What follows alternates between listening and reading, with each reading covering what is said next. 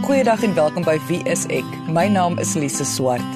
Ons gaan vandag gesels oor die taboe onderwerp seksverslawing. Twee van Wie is ek se span gaan saam met my hieroor gesels en dit is Johannes Schikkerling en Christine Nel. Albei is kenners op die gebied van verslawingsbehandeling. So Johannes en Christine, so voor die hand liggend soos wat die vraag mag wees, maar wat is 'n seksverslawing? Lise, 'n seksverslawing vorm deel van 'n groep verslawings genaamd prosesverslawing. Nou prosesverslawing ehm um, gaan eintlik maar daaroor dat dit 'n normale aksie of gedrag is wat verkeerd gebruik word. Soos byvoorbeeld 'n persoon wat eet word dan vasgevang in 'n patroon waar hulle dan nie meer eet nie of te veel eet. En dan dieselfde ook met seks is dat die daad van seks word dan gebruik in 'n manier wat mense moontlik skade kan maak. En 'n verslawing beteken iemand is vasgevang in 'n sekere patroon wat hulle nie kan breek nie. So met 'n seksverslawing spandeer 'n persoon baie tyd aan die uh, gedagtes rondom seks en die uitvoer van seksdade. Is daar 'n verskil tussen 'n seksverslawing en 'n verslawing aan pornografie of val hierdie twee maar saam? 'n Seksverslawing kan verskillende forme aanneem. Dit kan um, pornografie insluit, masturbasie, prostitusie, internetseks en jy kan ook net 'n pornografieverslawing hê of net 'n seksverslawing. Die verskil is wel dat pornografie is iets gewoonlik wat iemand, nie altyd nie, maar wat iemand op hulle eie doen. So daar's dit so met ander woorde dit is nie dis meer van 'n indirekte ehm um, verslawing. Terwyl seksverslawing het met mense te maak. So die skades is meer direk goed soos HIV, baie fisiese klagtes, seksuele oordraagbare siektes, uh en dan ook nie eens te praat van die emosionele skades daarbey nie. Kyk, die meeste mense hou van seks. So, hoe gaan 'n mens kan onderskei tussen 'n gesonde sekslewe en 'n seksverslawing? Met ander woorde, wat is die tekens van 'n seksverslawing? Lise, ons kyk weer nie na die hoeveelheid van uh seks nie, maar ons kyk eerder na die rede hoekom mense dit doen. So mense wat gereeld seks het en dit geniet, kan gerus voortgaan. Verslawing is wanneer die persoon seks met iets anders te verplaas. Met ander woorde, in plaas daarvan om werklik met iemand 'n koneksie te hê, het ons eerder seks. Dit gebeur dan baie keer, veral in seksverslawing, dat intimiteit is vir hulle 'n probleem. Hulle dink dat intimiteit is om seks met iemand te hê, terwyl ons baie ander forme van intimiteit kan kry. Ons kry byvoorbeeld intimiteit in die deel van inligting. Jy weet iets wat jy vir iemand sê wat niemand anders te weet nie. Daar lê ook 'n intimiteit ook. Ons kry natuurlik intellektuele uh, intimiteit, dan ook emosionele intimiteit en dan ook natuurlik die fisiese intimiteit en ook geestelike intimiteit. 'n Seksverslaafde se gedagtes en dade word gedomeineer deur seks. So hulle spandeer baie tyd om uh, te fantasieer daaroor, om te beplan rondom dit, om dit uit te voer. Ons kyk ook natuurlik na die persoon se funksionering. Begin die aksie, byvoorbeeld seks, hulle funksionering by die werk, by hulle gesin, begin dit dit affekteer. Indien so dan begin ons agterkom daar is 'n probleem. Ons is geneig om te verwys na tekens wanneer dit op 'n erge graad al van die verslawing is. Maar daar was tog 'n punt in die persoon se lewe waar hulle tog eers net daaroor gedink het. Wat is daardie vroeë tekens? Want dit kan dalk iemand help om meer proaktief op te tree as reaktief wanneer dit dalk al die persoon se lewe oorgeneem het. As 'n persoon bewus raak dat hulle seks gebruik om hulle emosies te probeer vermy of weg te kom van hulle probleme af, eerder as om intiem te wees met iemand, is dit dalk die moeite werd om ondersoek in te stel. So ons advies is wees bewus van jouself om aan elke afdeling van jou lewe genoeg aandag te gee.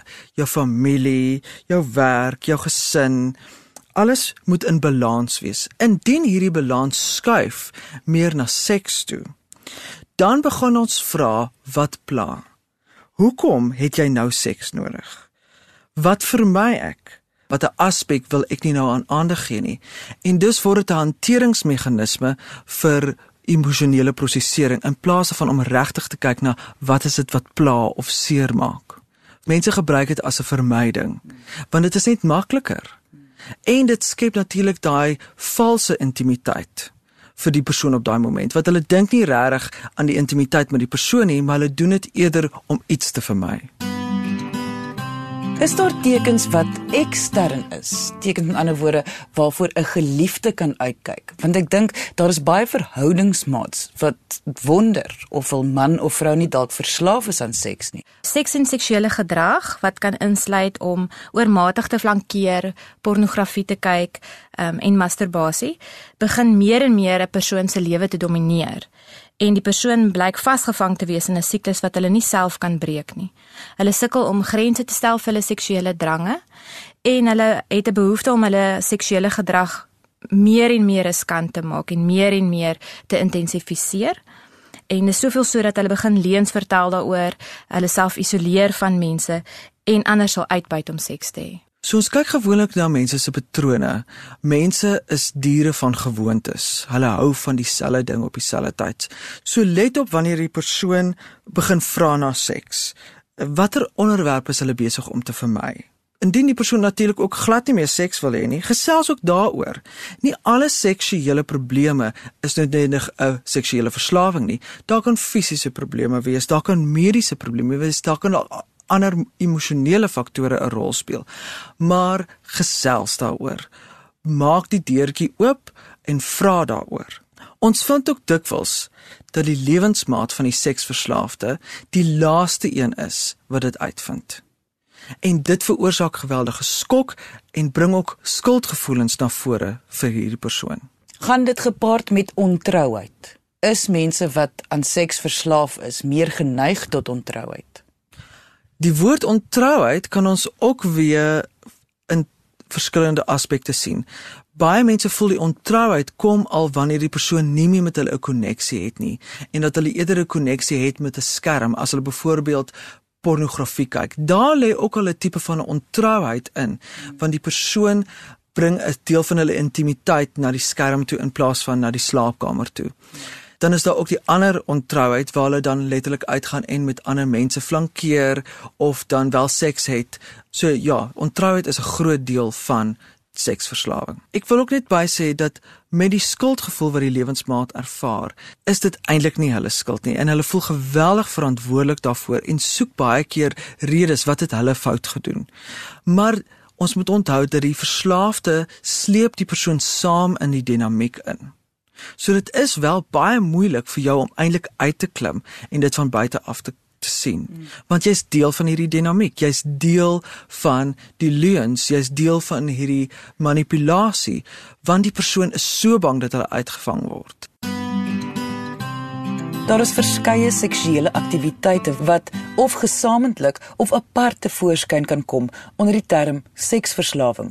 Byvoorbeeld pornografie, prostitusie, seksuele gedrewe ontmoetings wat deur sosiale media gedryf word, exhibitionisme, oormatige masturbering, reeksverhoudings, gewoonlik kort van duur en kort op mekaar, voyeurisme en herhalende besoeke aan omgewings wat gedryf word deur seks, soos byvoorbeeld sekswinkels of pornografiese webtuistes of stripklubs.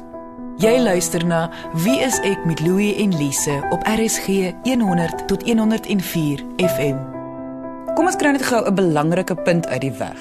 Nie net mans kan verslaaf raak aan seks nie. Vroue tog ook.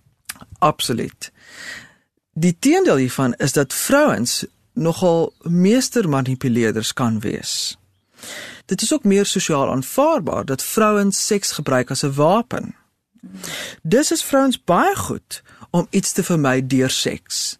Hulle kan ook hulle mans baie skuldig en swak laat voel as hulle nie die seks wil gee nie.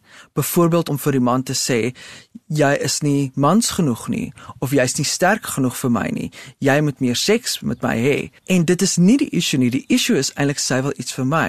Maar baie mans is eintlik blind hiervoor. Wat hulle natuurlik dan nogal makliker slagoffers maak. Absoluut. Hulle sien dit nie so maklik raak nie en hulle neem dan eerder die verantwoordelikheid op hulle self as wat hulle na hulle vrou kyk. Alle verslawings het 'n groot nadeel vir die individu en die mense om hulle. So wat is die nadele vir die persoon wat verslaaf is aan seks? Die verslaafde persoon verloor heeltemal beheer oor hulle lewe. Hulle lewe spiraal letterlik uit. Ons hoor gereeld dat die persoon verlig is as hulle intedeel uitgevang is omdat hulle hulle self nie kan stop nie. Op 'n fisieke vlak word die persoon blootgestel aan seksueel oordraagbare siektes en ongewenste swangerskappe en dit kan ook lei tot seksuele disfunksie. Op 'n emosionele vlak ehm um, lei seksuele verslawing gewoonlik tot gevoelens van skuld en skaamte, uh, angs en depressie kan saam met dit gaan en dit kan lei tot die opbreek van verhoudings wat ook verrykende gevolge kan hê. Dikwels is daar egskeidings, een verhouding na die ander, finansiële skades, fisiese skades soos seksuele oordraagbare siektes, nie eers te praat van die emosionele skades van skuld en skaamte nie. Kyk, ons praat van 'n verslawing. So is dit dieselfde as byvoorbeeld 'n alkoholverslawing. Ons onderskei tussen middelverslawing en prosesverslawings. Alkohol val onder middelverslawing en seks val onder 'n prosesverslawing. Die persoon is dus verslaaf of afhanklik van seks net soos wat 'n alkolikus afhanklik is van alkohol en net so magteloos om die siklus van afhanklikheid self te verbreek. Seksverslawing is 'n verslawing aan iets binne in die mens. Met ander woorde, dit kan nie net sommer maklik neergesit word nie of gelos word nie. Die persoon is dan dikwels verslaaf aan die proses en dus die woord prosesverslawing. Dat hulle verslaaf is aan eers die flankering doen. Dit beweeg stelselmatig oor na die jag en dit lewer dan die uiteinde van seks op. So hierdie hele proses is deel van die verslawing en dis nie net die alkoholbottel wat jy gryp en in jou keel afgooi nie. Dit maak dus ook die behandeling van 'n prosesverslawing baie anders. Met watter emosies gaan 'n seksverslawing mee gepaard? Want mense hoor baie hoe 'n alkolikus baie depressief of angstig kan wees. Soortgelyk aan ander verslawings, kan seksverslawing ook gepaard gaan met skuld en skaamte, asook angs, byvoorbeeld algemene angs of prestasieangs. Depressie is ook iets wat algemeen voorkom onder seksverslaafdes. Dit op sigself lei weer dat die persoon iets soek om hierdie depressie of angs te vermy, dan gebruik hulle weer. Dit veroorsaak weer skuld en skaamte.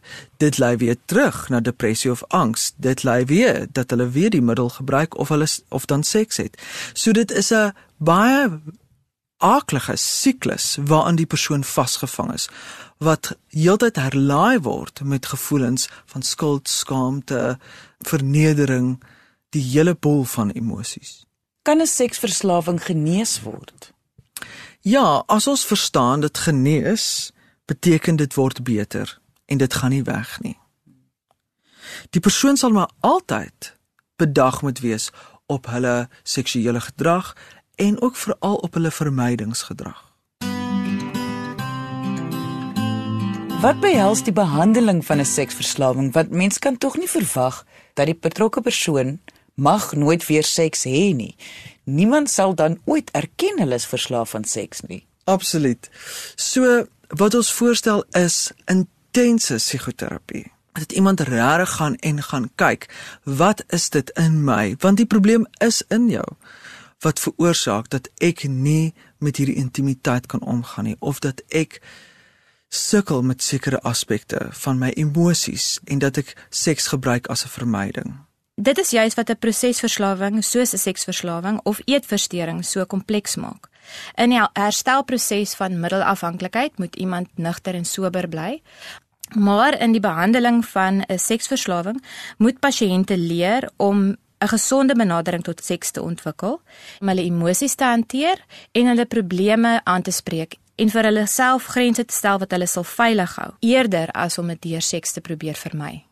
Die beste hiervoor is ook natuurlik rehabilitasie, waar jy vir 'n tydperk na 'n plek toe gaan waar jy in diepte kennis kry oor die onderwerp en waar jy uit die samelewing uitgeneem word om net weer tot rus te kom sonder die skuld, die skaamte, die elke dag se frustrasies om in diepte te werk aan dit waarmee jy sukkel.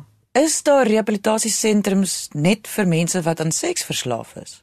Daar's baie rehabilitasiesentrums wat daarin spesialiseer. Daar's ook terapeute wat daarin spesialiseer. Wat gewoonlik gebeur is dat dit gesien word in die hele groep van verslawing. Want dit kan ook gebeur dat seksverslaafdes hulle self as heeltemal anders sien en dan sit daar baie ontkenning by. Verslawing is eintlik maar verslawing. Of dit nou 'n middel buite jou is of binne jou is, dit gaan eintlik maar oor vermyding en natuurlike patroon waaraan jy vasgevang is Dus word baie van die behandeling ook saam met ander verslawings hanteer. Ek gesels vandag oor seksverslawing saam met Johannes Schikkerling en Christine Nel, wie is ek se kenners op die gebied van verslawing, oor wat 'n seksverslawing is, die behandeling daarvan en advies vir geliefdes wat saam met iemand leef met 'n seksverslawing. So Christine en Johannes, toe ek gaan oplees het oor 'n seksverslawing, het ek gereeld gesien groepsessies word sterk aanbeveel. Hoekom dan juis groepsessies? In groepsessies leer ons dat ons nie alleen is in ons stryd nie. Ander mense het soortgelyke probleme en 'n soortgelyke stryd. So daar's 'n gevoel van samehorigheid en ondersteuning. Ons kan met, by mekaar leer, met mekaar identifiseer en saam uitgedaag word om te verander. Dit normaliseer die abnormale gedrag. Mense voel tuis. Hulle voel nie soos freaks nie. Mense leer ook by mekaar oor wat werk vir jou en wat werk nie vir jou nie. So hulle kan handige tips uitdeel vir mekaar.